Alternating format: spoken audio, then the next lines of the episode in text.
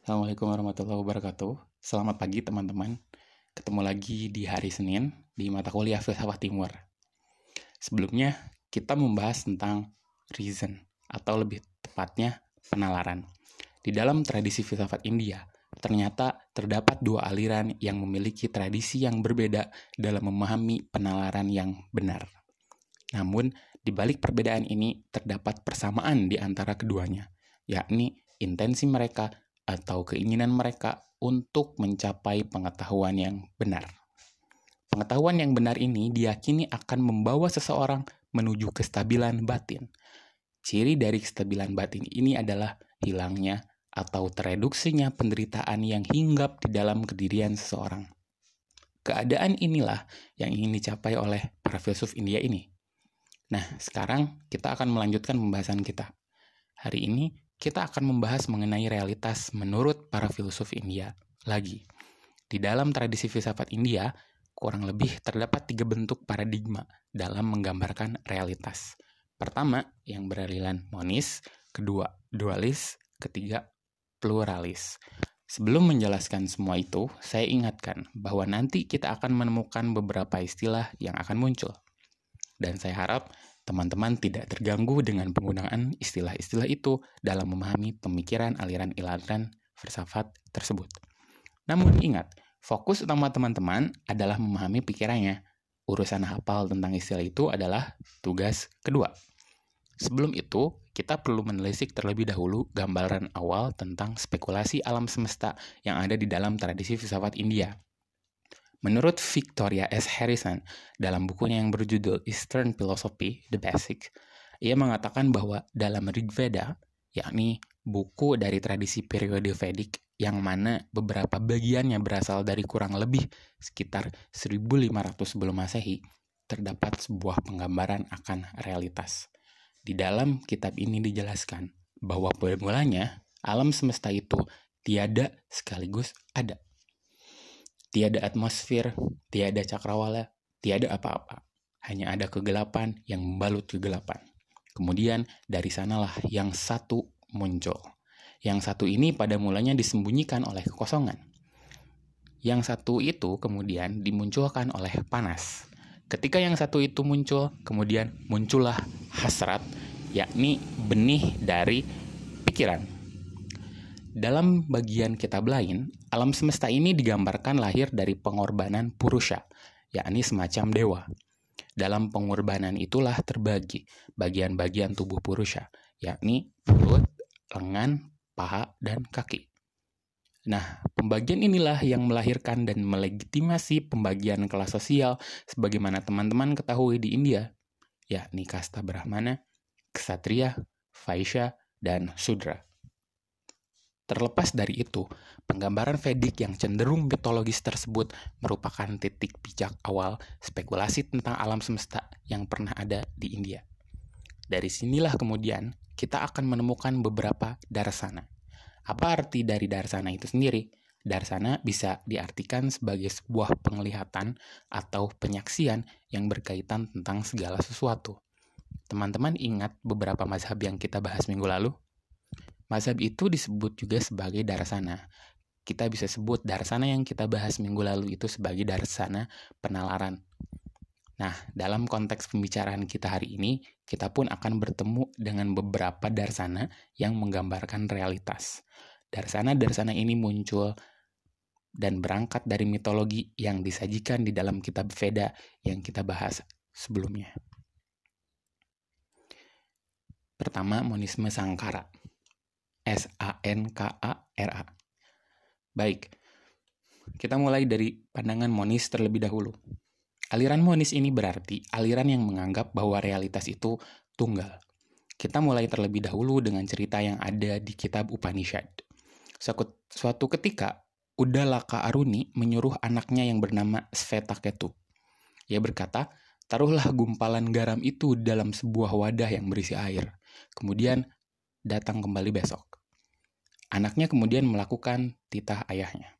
Besoknya, ayahnya berkata lagi padanya, Tolong bawa gumpalan garam yang kamu taruh di dalam air kemarin sekarang. Kemudian Svetak itu melakukannya, tapi dia tidak menemukan apa-apa di dalamnya. Sekarang coba cicipi air itu dari pinggir, dan bagaimana rasanya? Suruh ayahnya. Asin, jawab anaknya. Sekarang coba cicipi dari tengah. Asin pula. Coba dari sudut yang lain. Tetap asin. Sekarang coba buang sembalai semuanya dan kembali lagi nanti. Si anak melakukan lagi apa yang dikatakan ayahnya dan ternyata gumpalan itu masih ada di sana dan selalu di sana. Ayahnya kemudian berkata, "Kamu tentu tidak bisa melihat sebelumnya, tapi sesungguhnya gumpalan itu selalu di sana." Ilustrasi ini menggambarkan tentang kemanunggalan realitas. Realitas yang tunggal itulah yang disebut sebagai Brahman. Brahman adalah realitas terdasar yang ada di alam semesta ini. Kemudian terdapat apa yang disebut dengan Atman atau diri sejati sebagai bagian dari Brahman atau suatu hal yang identik dari Brahman. Dia, Brahman itu sendiri, memang tidak bisa dilihat namun ia ada di mana-mana. Ia rembes di segala aspek kehidupan kita. Kira-kira menurut kawan-kawan, Brahman mirip Brahman ini mirip dengan apa ya? Tapi terlepas dari itu, aliran monis yang mengakui kemanunggalan realitas salah satunya adalah Darsana Vedanta Sutra. Dari Vedanta Sutra inilah filsuf bernama Sankara hadir sebagai komentator Vedanta Sutra. Bagi Sankara, Tugas kita sebagai manusia adalah menyadari Brahman sebagai realitas absolut.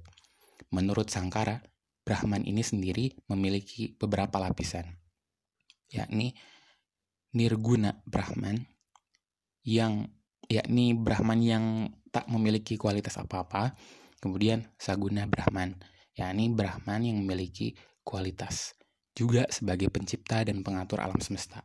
Ia juga merupakan Tuhan personal yang dinamai Isvara. Terakhir adalah realitas konvensional atau realitas yang kita temui sehari-hari. Lapisan yang kedua dan yang ketiga adalah entitas atau suatu hal yang bergantung sepenuhnya pada Brahman. Kemudian, dua lapisan itu sendiri tidak memiliki eksistensi independen. Mereka berdua adalah suatu hal yang bergantung sepenuhnya pada Brahman. Bahkan bisa dibilang bahwa dua lapisan itu hanyalah ilusi belaka. Dari sinilah Sangkara memilah antara penampakan dan juga realitas.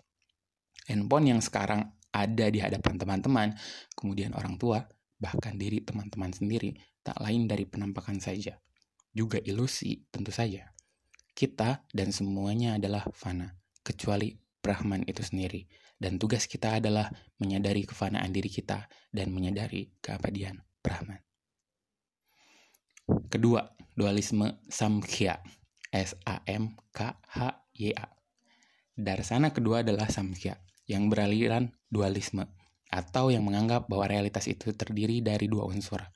Sebelum itu perlu diketahui bahwa Darsana Samkhya ini menegaskan terlebih dahulu bahwa kita sebagai manusia akan selalu menderita jika kita tidak mengetahui realitas yang benar dan tepat yang ada di dunia ini sehingga adalah sebuah kewajiban bagi kita dan sebuah kemestian bagi kita untuk bisa mencapai pada pengetahuan yang benar akan realitas. Cara mencapainya adalah dengan mengetahui dua realitas tersebut. Kata samkhya itu sendiri berarti pengkategorian. Pengkategorian dalam konteks darsana ini berarti memilah antara realitas yang material dan realitas yang non-material.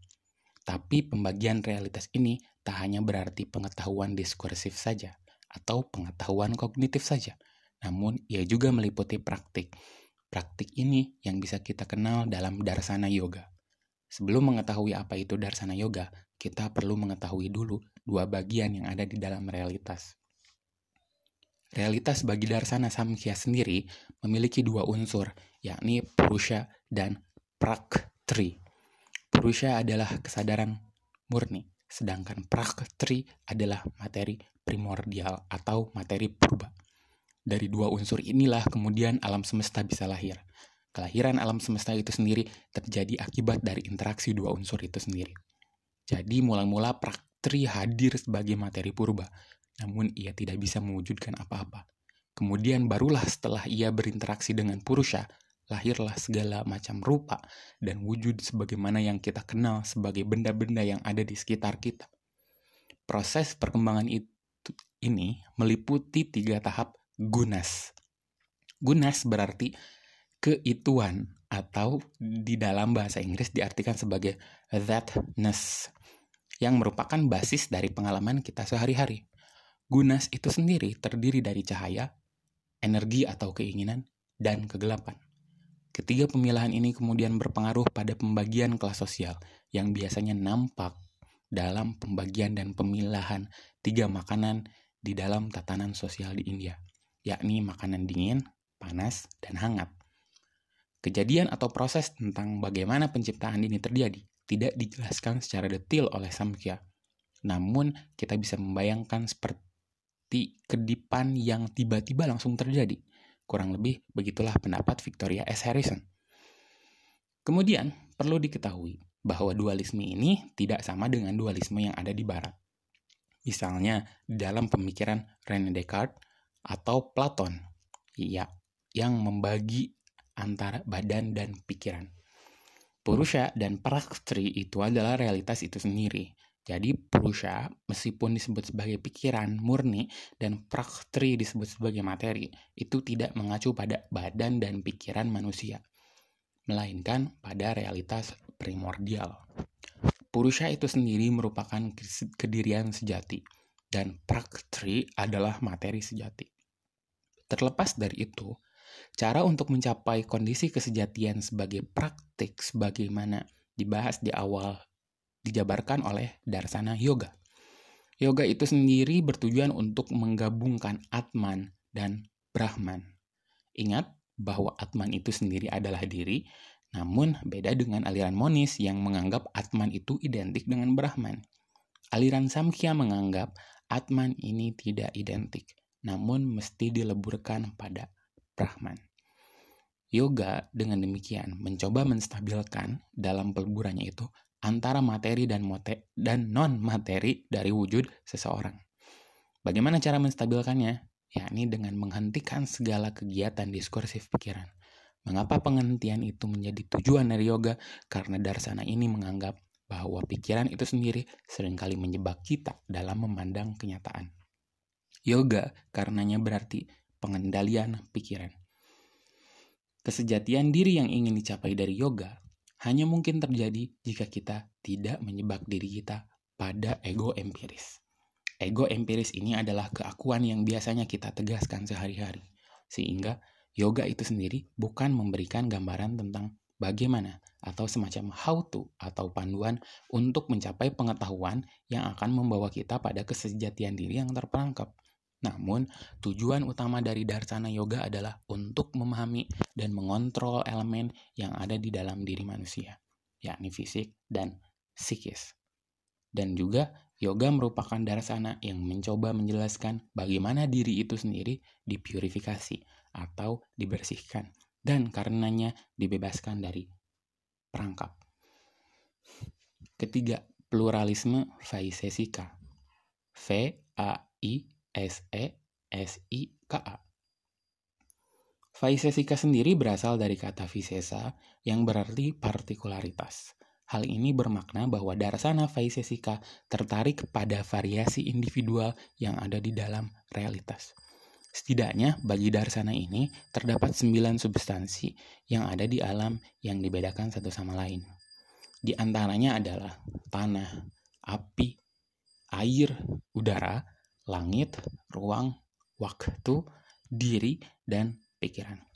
Empat unsur pertama adalah substansi material, sedangkan lima unsur sisanya adalah substansi non-material. Bagi aliran ini, apa yang kita dapati di alam semesta, jika ditelisik dengan teliti, terdiri dari atau berpartisipasi dari satu atau banyaknya dari unsur-unsur yang sembilan itu. Meskipun biasanya kita cukup kesulitan untuk mendeteksi kesembilan substansi-substansi itu secara langsung. Namun, sembilan unsur ini bukanlah realitas fundamental yang ada di alam semesta.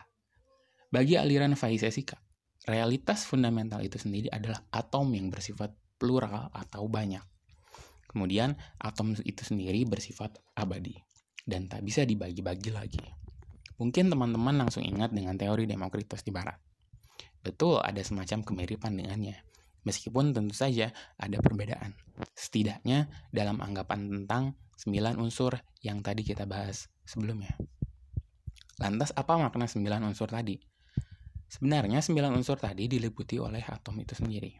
Maksudnya, di dalam realitas itu terdapat atom udara, atom bumi, atom air, dan atom api. Keempat atom ini adalah atom material. Sedangkan di dalam tingkat yang lain, yakni atom non-material, terdapat atom langit, atom ruang, atom waktu, atom diri, dan atom pikiran kenyataan atau alam semesta yang terhampar di hadapan kita karenanya tersusun dari atom-atom tersebut. Tubuh kita, pacar kita, kucing peliharaan kita disusun oleh atom-atom tadi. Dan ketika atom-atom itu terpisah, hal-hal tadi, yakni tubuh, pacar, kucing, dan lain-lain akan hilang atau hancur. Baik teman-teman, kurang lebih itu gambaran besar dan pengantar untuk memahami darsana-darsana yang ada di dalam filsafat India mengenai realitas. Oke, kawan-kawan di sini bisa mengomentari atau memberi sebuah pertanyaan atas materi hari ini. Tapi kalem atau tenang saja. Tidak usah terburu-buru, teman-teman bisa merenung terlebih dahulu. Jika kawan-kawan merasa agak sulit memahaminya, kawan-kawan bisa mengulangi rekaman suara ini, atau jika benar-benar mentok, bisa bertanya kepada kawan atau bertanya langsung kepada forum. Maklumlah, ini kajian tentang metafisika filsafat India, sehingga teman-teman mesti mengerahkan imajinasi abstrak teman-teman sekeras mungkin. Oke, selamat mengunyah materi hari ini.